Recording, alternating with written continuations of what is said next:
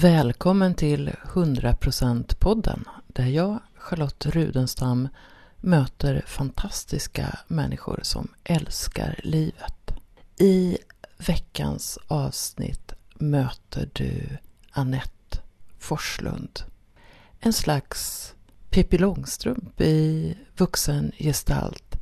En människa som väljer glädje, som ger plats för reflektion och som vågar leva sin längtan. Efter många år i mer traditionella yrkesroller så vände hon blad för 15 år sedan, utbildade sig till psykosyntesterapeut och skapade företaget Existens. Och efter ett par års reflektion så är hon nu tillbaka. Hon säger så här att vi inte är här för att följa John. Vi är här av en orsak. Att gå vår egen väg och bli arkitekten av våra egna liv. Välkommen att lyssna på Annette Forslund i 100% podden. Jag sitter i slottet med Annette Forslund. Trevligt att ha dig här. Tack så mycket. Hej, hej.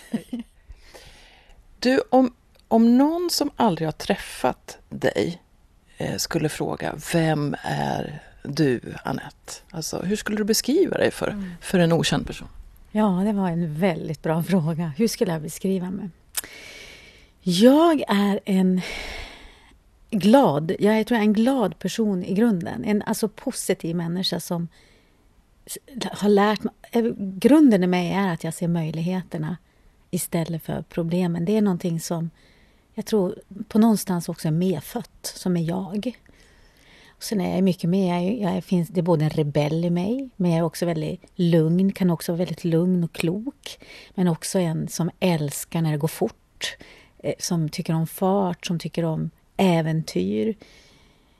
Så det är svårt att sätta mig i en liten box på något sätt. Det, det, jag var, var gjorde kroppsläsning en gång och då sa den här coachen då att det var som... Ofta brukar man använda två eller tre kryddor liksom i sitt kryddskåp, men jag hade ungefär så här 15. Så att det, jag kan nog vara på väldigt många olika sätt. Och, och på det sättet har jag också lätt för att möta väldigt många olika människor. Jag kan trivas lika bra med ett champagneglas med högklackade skor som ligga i någon tält med någon stickad mössa på mig.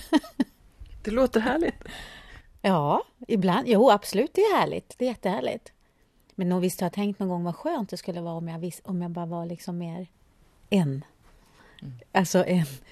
Det här tror jag på, så här är jag. Jag följer den här gurun. Jag är en person som bara mediterar eller jag är den här finansmänniskan. Eller, men så är jag inte. Just nu, där du är i livet, finns det några kryddor som, som dominerar som du skulle vilja berätta om? Det som, är, det som är absolut störst och mest i mitt liv nu, det är att jag tror att vi kan verkligen eh, påverka hur vi mår genom att våra tankar skapar våra känslor och att eh, jag kan, alltså att för mig, det absolut största målet, eller det enda målet jag har i livet, det är att vara, vara glad, glädjefylld. Att leva ett liv i, liksom, i glädje och tacksamhet, i harmoni. Ja, mycket glädje. Det handlar jättemycket om glädje. Att, vad är det för mening annars, tänker jag? Om jag liksom inte kan vara glad och gilla livet. Tänker du att livet har en mening? Ja, livet har en mening. Och liv, för mig är meningen att vi har kommit hit för att vi ska uppleva oss själva och att i grunden det vi är, är att vi är glädje och liksom kärlek. Vi är det i grunden, det är det vi är. Och det är det vi behöver bara förstå och upptäcka mer av. Det är min mening med livet. Är det också så att du har en uppgift som du ser det? Eller för din del kanske du har väldigt många olika uppgifter? Ja, om jag har en uppgift då så är det ju att faktiskt kunna visa det. Att inte bara, alltså att leva som jag lär. För mig är det viktigt. Att om jag nu tror det här, då behöver jag ju också då kunna visa det, att det, att det, fungerar, att det går. Att, och att vi väljer själv. Vi väljer själv hela tiden. Och ju mer varse vi blir faktiskt att vi kan välja så kan vi ju välja det som är gott för oss, att vi mår bra. Vi väljer om vi vill må bra eller om vi mår dåligt. Vi har ju hela tiden ett val i det. Så det är min uppgift, att inspirera människor att välja för sig, inte välja för någon annan. När jag har tittat eh, lite grann på din mm, professionella historia så har ju du hunnit göra många olika saker. Eh, går det att ana att du någon gång gjorde ett tydligt nytt vägval och, och vad var det i så fall? Ja, absolut. Jag, jag gjorde ett väldigt tydligt vägval och det var ju vad var det, 99 tror jag. Då, jag levde ju ett helt annat liv tidigare. Jag var ju den här klassiska jag kom ju från en liten by i Norrland. Det var jag och sju hus. Liksom. Och där var jag, hade jag hästar, jag var ute i naturen mycket. Jag var liksom mycket ute, tror jag, och funderade mycket på livet på något sätt. Och var sammankopplad med livet på ett sätt också som jag nog inte visste om då, men jag har förstått det nu. För mina föräldrar var ju var inget tryggt och lugnt litet hem uppe i Norrland utan det var en väldigt dysfunktionell pappa alkoholist och det var inte så mycket tryggt där. Så tryggheten sökte jag i, i det större någonstans, liksom. i det här andliga, i det, i det som inte var, fanns ord. Men jag kände mig, det, var, det var tryggare där, för de vuxna var, jag var inte trygg av de vuxna. Jag förstod ganska fort att de kunde nog inte ta hand om mig. Jag kom ju på barnsyk när jag var sex år, så det var nog en, en stor vändpunkt i livet. När jag, jag var arg väldigt mycket när jag var liten. Eh, och jag plockade ju på mina föräldrars ilska. Så kom jag in på barnpsyk och eh, då skulle de göra en utredning om jag hade haft någon syrebrist när jag föddes. För att jag höll på att dö när jag föddes också. Navelsträngen runt halsen. Två varv, så att jag höll inte på att komma fram. Och, då, och jag kommer ihåg när jag var på det här på psyket, där på utredningen och de här undersökningarna de gjorde. Men också att jag, hur jag kände mig bortvald, eh, fel. Och då bestämde jag mig, när jag, ja, när jag var sex år, jag låg i sängen och pratade med en liten Barbiedocka som heter Tutti, att sa jag så här till henne att när jag blir stor, då ska jag gå min egen väg. Jag ska göra som jag vill, ingen ska få bestämma över mig och ingen, jag ska inte lita på någon. Det var liksom wow, wow ja. Och de här två första, att jag, att jag ska gå min egen väg och göra som jag vill, det har varit jättebra val. Så, det här att inte lita på någon, det har ju, jag ju fått jobba med fortfarande, och helst mot män, då, att verkligen våga lita på någon. Då. Men, så jag gick ju ut i livet sen. Jag, tog, jag blev utskriven efter tre veckor och de hittade inget fel. Eh, och så gick jag liksom ut i livet och skulle bli, göra vad jag ville. skulle klara mig själv, bli duktig, framgångsrik och allt det där. Det jag hade liksom köpt in hur man blev framgångsrik och lycklig. Så jag jobbade ju, gjorde många saker innan. Jag jobbade som reseledare och reste jorden runt. Och, men sen så hamnade jag i alla fall, jag blev försäkringsmäklare och jobbade inom finansbranschen.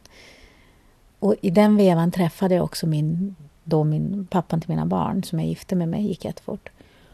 Och vi, jag var, hade mycket pengar, jag hade ett jättefint hus, jag hade han var snäll, den här mannen. Han var snygg. Han var, jag fick fina barn. Jag hade ett stort hus med pool, med Porsche, med båt. Med, jag hade allt. Alltså, utåt sett hade jag allt det här som man blir lycklig av. Men när jag satt där i mitt fina hus, liksom, med allt det här som jag hade, var jätteolycklig. Och jag förstod inte, men vad är det för fel? Jag har ju allting som jag borde vara lycklig av. Liksom. Och då och det hände mycket. Jag drack mycket, jag, vi bråkade mycket. Jag liksom försökte fly från mig själv med festerna, kan man säga. Mycket fester, mycket champagne, mycket fester. Liksom. Men i den här vevan så förstod någonstans så kom jag ju på att det var inte där lyckan fanns. Liksom. Så, så jag började, det fanns, det stod en liten annons i tunnelbanan, det stod Bli den du är. Och tänkte jag, det är en bra början. Jag har ju ingen aning vem jag är längre. Är det Humanova? Ja, Humanova, ja precis. Så gick jag, bara gick, började där. Och där så tog den, ja det var nog kanske första dagarna så för, förstod jag att jag hade liksom, den här lilla sexåringen som jag hade lämnat där på barnpsyk, henne hade jag verkligen lämnat. Hela hennes klokskap, längtan och allting, henne hade jag lämnat och gått ut i livet och skulle bli framgångsrik. Så jag hittade åt henne där. 2000 var det va? och bara Hej, jag har saknat dig. Den här sexåringen. Det var jättetydligt för mig. Och då bestämde jag mig där och då att här, från och med nu, det här är ju 15 år sedan, Så först, det jag ska göra det är att ta hand om henne. Inte någonting annat. Så det var en jättevändpunkt, liksom, att jag verkligen... Hon behöver något som jag... Jag har bara sprungit ifrån mig själv och henne. Liksom. Så det var som att jag vände mig om istället för att springa mera. Jag stannade upp, så vände mig om. Jag tror jag grät i två år. Mycket grät jag. Allt jag hade liksom lämnat. Det här att möta det här, jag skulle kalla det inre ja, barnet. Det. Ja. Eh, kan du säga lite konkret, hur, hur, gör, hur gör du för att, för, för att visa henne att du finns där för henne? Ja, när jag, ja, för sen har jag jobbat med det, men att, att verkligen möta det här inre barnet. Liksom att kunna känna, att känna. Och, det finns, och då blir det ju en koppling, det blir en kär. Alltså att, att tycka om. För mycket, mycket av vad vi håller på med är att döma oss själva att vi inte duger och är rätt och allt vad det är.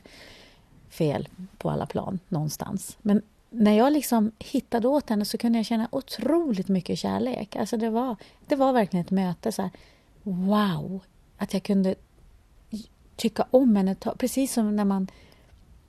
Alla som andra har egna barn. Om en sexåring står och gråter så tar man ju upp den här sexåringen och säga att det blir bra. Man säger inte vad ful du är och går vidare utan man, man omfamnar man ju.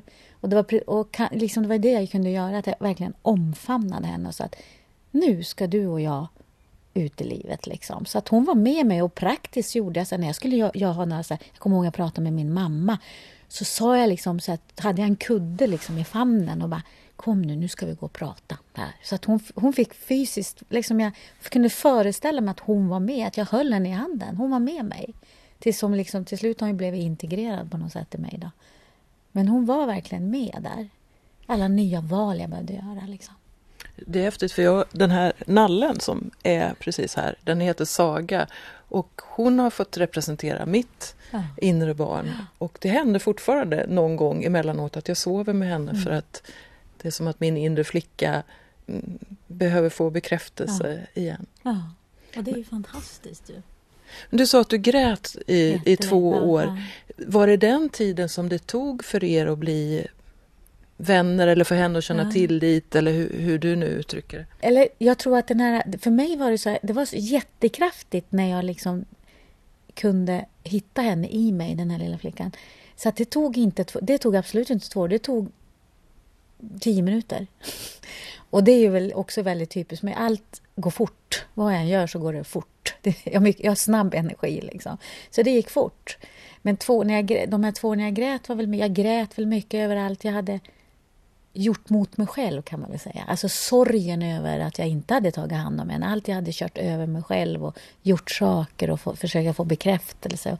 Allt det där bara för att få den här bekräftelsen och, från andra istället för mig själv. Liksom. Och det var, var ju inte alltid så snälla saker. Alla, det man anpassar, allt det man gör för att någon ska tycka att jag, man är okej. Okay, liksom. Så ju mer jag kan tycka att jag själv är okej okay, så behöver jag inte få den från andra hela tiden. Var du färdig med det efter Nej, två år? Färdig, färdig undrar jag om man någonsin blir. Liksom. Det, kan väl få, det, det, tror jag inte. Det tror jag ta hela livet. Det är inte så att jag går omkring och bara wow, älskar mig själv på varenda sekund och bara känner mig wow. Jag kan fortfarande känna mig liten och värdelös liksom. Men det som är största skillnaden nu tror jag, det är att jag, jag dömer mig inte så mycket. Jag, alltså jag kan känna mig liten och dålig. Men då tar jag hand om det. Inte, liksom. jag håller inte med den där rösten som säger att jag är liten och dålig. Utan tvärtom så säger jag nej, jag är faktiskt himla bra. Gud vad glad jag är att jag är jag. Liksom. Fasen vad du har jobbat på. Jag kan verkligen känna så här. Ja, vad glad jag är att jag är jag och har gjort allt och varit med om allting. Och det är liksom den här kämpen jag brukar prata om att vara 100 procent. Mm. Och för mig ingår det då att ibland så gör jag något som blir lite tokigt. Men idag så klappar jag mig mm. mer på axeln. Okej, okay, nu blir det lite ja. tokigt. Nu fick jag en påminnelse om vad jag kanske inte ska göra mm. så mycket och så kan jag fortsätta. Ja, för vi gör ju så, så vi lär oss hela tiden på något sätt. Så att, jag menar, så är det ju. Livet är ju fullt av val och ibland gör vi rätt val för oss själva. Då. Och ibland gör vi mindre bra val, men ibland kan vi inte veta det förrän vi har gjort dem. Vi kan inte sitta och tänka ut ibland att om jag gör så här blir det nog bra. Jag måste ibland, nästan alltid så måste jag först göra något och så märker jag efteråt att ja, men det här var bra. Det här stämde bra med mig. Eller nej, det här var inte så bra, men det är inte att jag har gjort fel och är dålig då, utan det är bara att jag behöver ju prova olika vägar. Liksom. Det är som en... För mig är livet någonstans en eh, utveckling och nyfik, ett äventyr. Så att jag måste ju... Även, det blir ju inget äventyr om jag vet hela tiden. Man, hur ska man kunna veta liksom? Jag tänker på, du, du sa i början så här att tanken kommer känslan mm. och, och, att hur du tänker påverkar hur du mår. Ja. Eh, och då tänker jag, var kommer kroppen in? Mm. Ja, men kroppen tänker jag så här, kroppen har ju massa minnen. Kroppen känner ju. Jag träffade, det är så spännande för att när man jag fick praktisera det här i, verkligen i livet. Det är väl så det Jag träffade en man. Jag längtade efter att träffa en man. Och då hann jag med allt. På två veckor så träffade jag Första veckan när vi träffades så var vi otroligt förälskade. Det var allt det här, bara rosa moln och vi skulle liksom vad vi skulle göra hela sommaren och vi skulle åka båt och både han och jag var liksom, vi har träffats själsfränder. Det var första veckan. Det var fantastiskt, hela min kropp kände det här jag gick och bara bubblade i mig. Sen andra veckan, då började hända någonting. Han blev nog rädd och jag med, men jag tror att han blev ännu mer rädd så han backade jättemycket och jag fick ju bara känna alla de här känslorna. Har vi övervinnighet? Duger jag nu? Bababa. Och då kunde jag verkligen känna, som du säger, i kroppen, rädslan i kroppen. Men jag, och då kunde ju tanken, jag kunde, känna, alltså jag kunde verkligen känna i cellerna, alltså det här är inget skönt att vara i. Jag förstod att det är ju inte sant. Alltså det här är ju inte sant. Jag har känt den här mannen en vecka. Ska jag bli så här rädd för att inte han vill ha mig efter en vecka? Det är ju helt konstigt. Men så det här är ju gamla grejer som kom upp. Det här är ju inte sant idag. Så att, jag bara kan, så att det är inte det att jag stöter bort de här känslorna där i kroppen, utan jag kan okej, okay, kroppen blir rädd, det här är obehagligt. Men det är egentligen inte sant. Så att jag det är kan, minnen ja, av det något som... Som har varit förut liksom. Och de minnen har vi väl haft allihopa, kan jag tänka. Men att inte gå, tro på dem. Inte tro på de här minnena. Alltså det är minnen, i gamla liksom det är som virus på en dator. Alltså det är gamla spår någonstans. Och nu, ju mer medveten man blir, så behöver jag välja nytt. Och då behöver jag välja, ska jag fortsätta vara i det här nu, eller vill jag välja någonting annat? Och jag valde något annat liksom. Vad spännande, för, för jag tänker om, om, om kroppen då säger mm. det här, Räcker det med att du säger det här är fel eller behöver du göra något konkret? Jag behöver för... göra massa. Det räcker inte att jag säger att det är fel eller att det inte är sant. För kroppen tror ju inte på det en sekund. Kroppen tror ju på att det är mm. farligt och läskigt. Nej, jag behöver göra jättemycket saker och jag, och jag yogar ju mycket. Jag behöver vara i kroppen. Jag yogar jättemycket, meditera, dansa till musik så att jag får en annan vibration i kroppen. Liksom. Skriver allting jag är tacksam över, känner hjärtat. Så jag, det, jag får ju göra grejer för att liksom få en annan, som jag kallar vibra, någon annan känsla, vibration, energi i min egen kropp. För jag tänker det att en, en del människor som lyssnar på säger ja det är bara att ändra tankarna mm. så låter det så Lätt. enkelt. Men i själva verket så är det egentligen en omprogrammering ja, av hela det. dig. Ja, exakt. Det är ju inte... Precis, för skulle det vara så lätt att vi bara ändrar tankarna, för alla vet ju det på ett plan, vi vet vad vi behöver göra, men vi gör det ändå inte. Liksom. I tanken säger vi en sak. Men absolut, en programmering om hela mitt system. Och hela mitt system och alla, jag tror många människors system är ju programmerade på rädsla och flykt och, och fara. Och, och, och nu tänker jag att det är liksom ett nytt medvetande så att vi kan inte låta den här liksom, den här gamla delen av att styra livet. För det kommer ju, tänker jag, när rädslan att bli övergiven ända sedan vi var på, ute på stepp. Alltså när vi var, vad säger man, vi, vi behövde vara i flock. För att var vi inte det så blev vi uppätna. Liksom. Så på ett plan är vi rädda för att bli uppätna. Mm. Alla går omkring och rädda för att vi ska bli uppätna av en tiger. Och, och, på ett plan vet vi att vi inte blir det, men kroppen tror fortfarande det. Så jag behöver omändra systemet. Liksom med att då fylla på med veta att det här är ett gammalt program som går igång och det här är inte sant och jag behöver programmera om mig med ett nytt program som är eh, tillit, tacksamhet och kärlek liksom, och glädje. Och det måste få ta tid, eller? Ja, det måste få ta tid. Det gör man ju inte i en, en handvändning. Liksom. Så då, då behöver vi också acceptans. Ibland går det bättre och ibland går det sämre. Och, och då är det samma sak, men så länge vi då kan vi inte slå det här dömandet. Dömande stänger ju igen kroppen medan kärlek öppnar upp, kan jag tänka. Liksom. Så att Jag skulle jag få en, en enda trollformel och att, som jag kunde, liksom en trollspö och bara säga något jag fick välja, det var att om vi skulle sluta döma både oss själva och andra så skulle det bli så annorlunda på hela världen, liksom hela jorden. Det var ett bra trollspö tycker jag.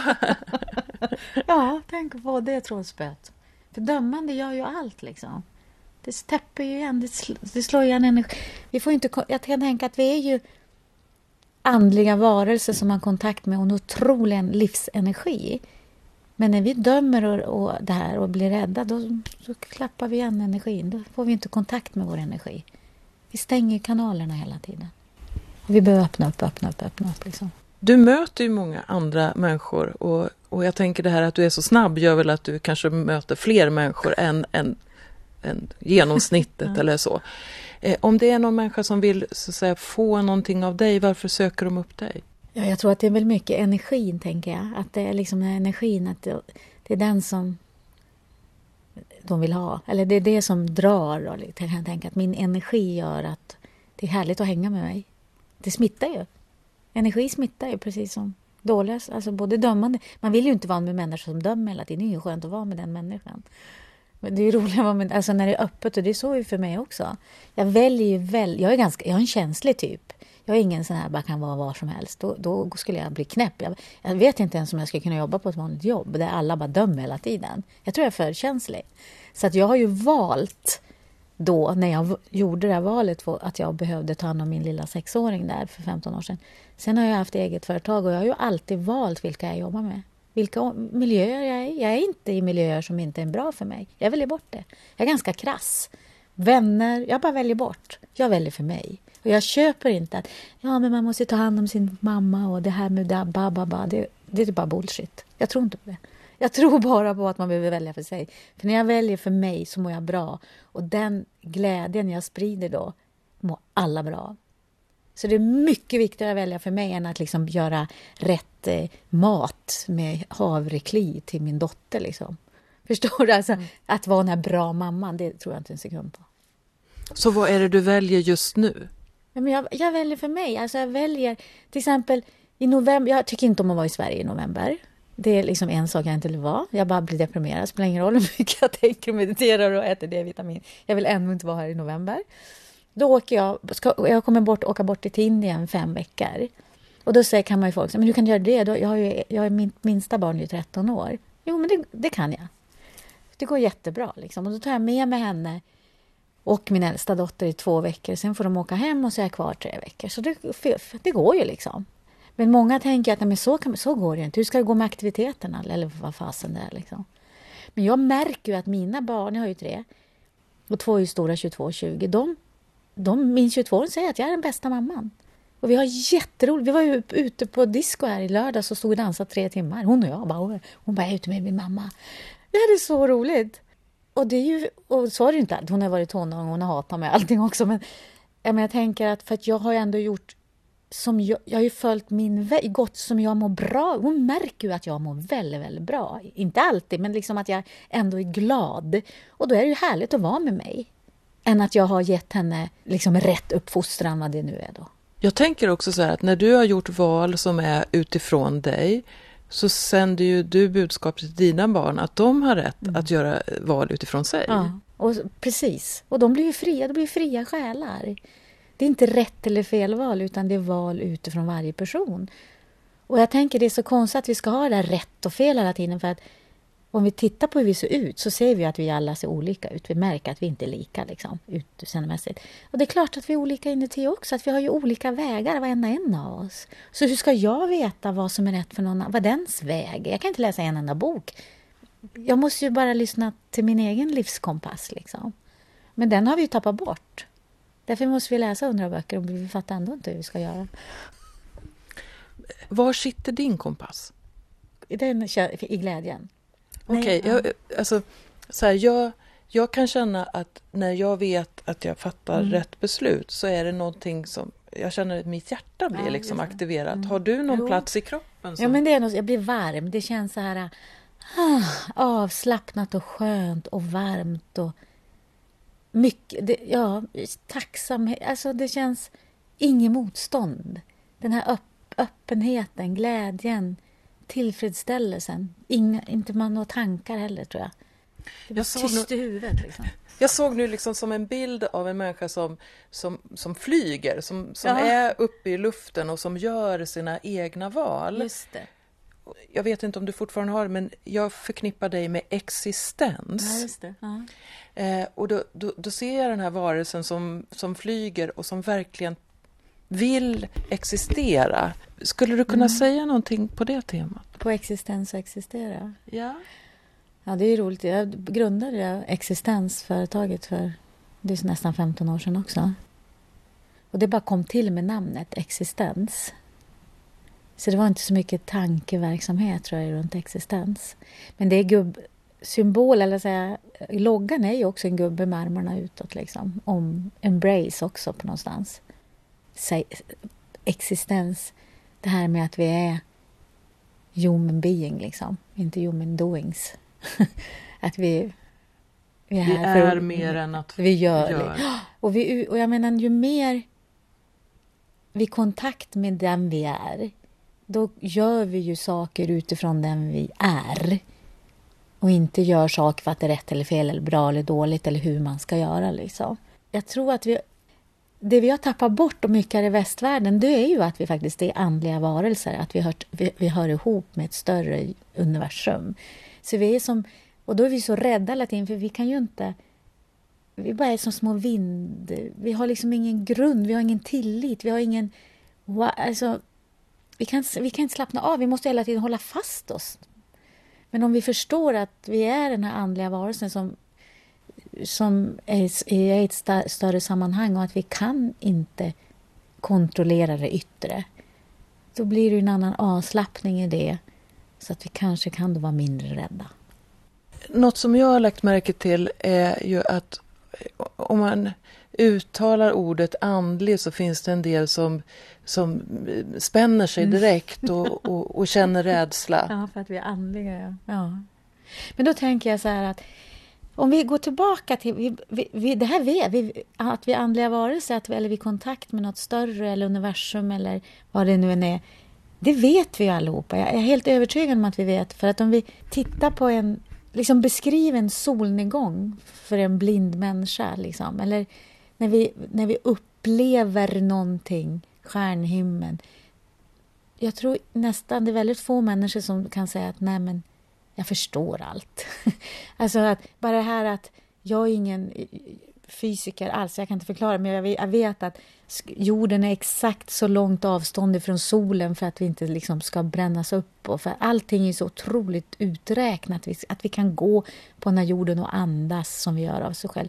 Om vi bara, bara ser det lite större så kanske så blir det ganska uppenbart att det är något, vi är något, det är något mer. Liksom.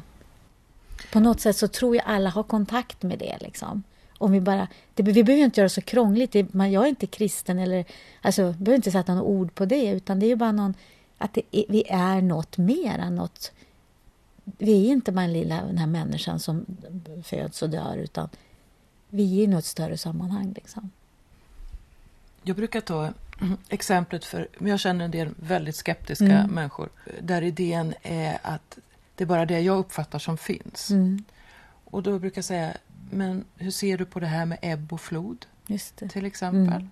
Och även att hundar hör ju saker som vi inte. Är det, kan du gå med på att så kan det vara? Ja. Hur, hur kan du då veta att de saker du avfärdar inte finns? Försöka göra det lättare att, närma sig närma det som känns Mm. lite okänt. Eller? Men jag tänker känslor ser vi inte heller. Kärlek, Nej, vad är Vad är kärlek? kärlek? Det är mycket vi inte kan se liksom, och förklara. Så att, ja. Men jag tänker också för att de flesta människor också, vi dras ju ofta till liksom små bebisar och liksom barn och eh, djur och sådär. För de är ofta inte så mycket, det är inte så mycket dömande i dem. Det är, liksom, det är lätt att, att närma sig det. Och jag tänker på Astrid Lindgrens alla figurer som alla, de flesta älskar, Pippi, och Dicken och alla de här. De är också, om man tittar på Pippi Långstrump, hon, jag tycker hon är en fantastisk förebild för hon, hon är ju som hon är. Hon följer sina egna regler, inga yttre regler. Liksom. hon är glad, hon är omtänksam, hon är kärleksfull och det är nästan aldrig alla hennes figurer. Liksom. Att det är någonting som är medfött. Vi har varit så där, de flesta av oss har det funnits där, någonting självklart över oss. Och när vi hade fantasi, när vi tittade ut och vi fantiserade, vi trodde och vi lekte. Allt det där har vi, allt den inre världen har vi haft kontakt med. Och är det, är det då andligt? Så man behöver inte sätta någon etikett på det ens. Liksom. Men det finns en värld som jag tror vi alla haft kontakt med som många har stängt av. Och jag har upplevelsen att det sker en rörelse mot att fler kommer i kontakt med det här mm. igen som att det, att, att det blir mer tillgängligt på något sätt. Har du den upplevelsen också? Ja, absolut. För jag, jag läste en bok nu som heter Livet inifrån och ut. Heter den. Av någon sån här känd författare i USA, någon sån här proffscoach. En sån här känd som coachar företagsledare och sånt där. Och det han skriver i den här boken det är ju precis det här att så länge det här att, vi, att det finns något mera. Och när han går ut med det då, mer och mer såna här... Typ Michael Neal? Eller ja, Michael Neal, det är det han heter, ja precis så märker man att det där det, att det blir fler och fler söker någonting som man inte kan sätta ord på.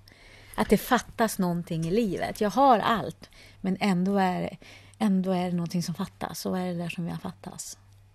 Ja, det är spännande. Jag har mött flera, de kallar sig supercoacher. Ja, just det, supercoacher. Eh, och och de, de, tar, de tar mycket tydligt mm. in, in mm. den här eh, aspekten.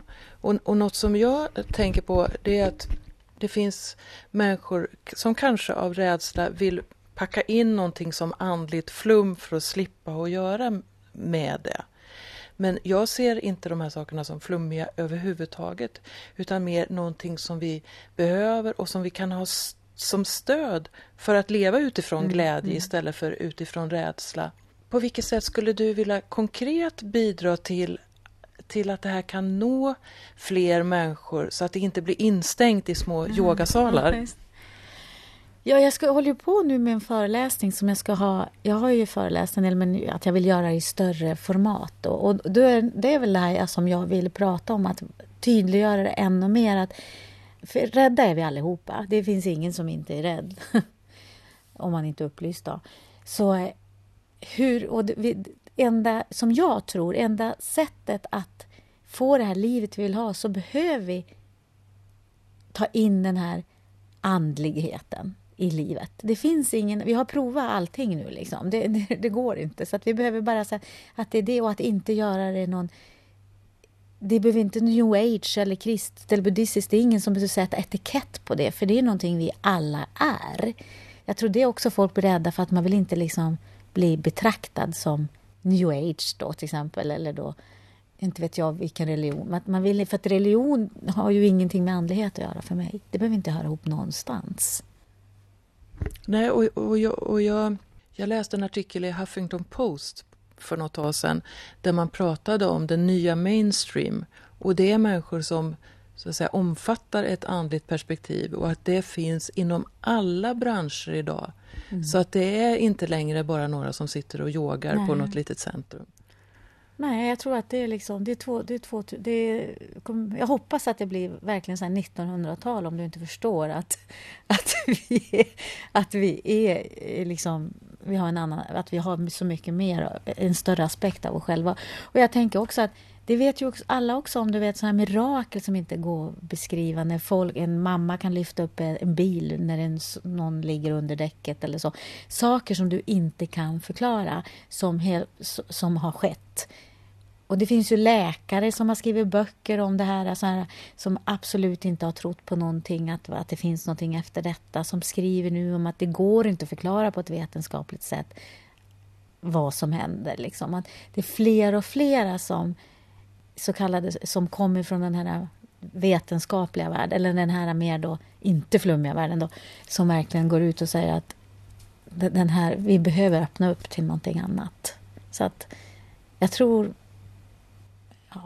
Det, många mår ju dåligt också, men många människor mår ju dåligt. Och jag tror, och så länge vi tar bort den delen från oss själva så kommer vi må dåligt. Liksom. Det är bara att välja. Mm. Den personen som lyssnar på det här kanske tänker så här, ja, men jag kanske ska öppna lite grann. Jag kanske ska göra någonting. Vad skulle kunna vara någon liten eh, praktik eller någon liten sak som den personen skulle kunna göra som en första grej för att se att jag kan komma i kontakt med, med mig på ett djupare plan. Jag kan säga ja till mig. Det finns så många övningar, men jag tror att de här många, det är ju bara att gå ut i skogen. Det behövs inte vara så krångligt. Liksom. Gå ut i skogen, gå ut och gå och titta på... Nu är det en fantastisk tid att titta på alla blommor och allting och bara upp, försöka ta in och ta emot, liksom, att uppleva mer av det här otroligt vackra som finns runt om oss hela tiden.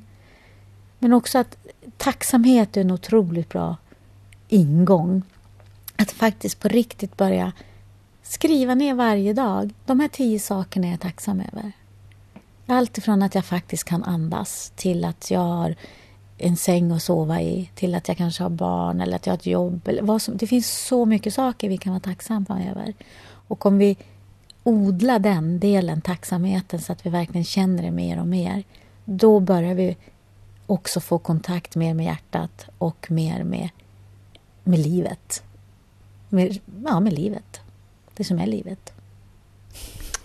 Tack Anette. Tack ska du ha. Jättekul att vara här i slottet. Anette Forslund som uppmanar oss att gå ut och njuta av naturen och se att världen kanske är lite mer än vi tror. Och kan vi möta den i glädje så har vi chansen att få riktigt härliga liv. För visst är du värd det. 100% podden sänds med ett avsnitt i veckan i ungefär det här formatet. Och jag, Charlotte Rudenstam, möter fantastiska människor. Tipsa mig gärna om fler fantastiska människor som du skulle vilja lyssna på i 100% podden. Och kom ihåg att nämna podden. Använd gärna hashtaggen 100% podden med bokstäver och gå in på iTunes och ge podden ett betyg och skriv gärna en kort liten recension så bidrar du till att det blir lättare för fler att hitta podden. Och nu, ut och njut av livet.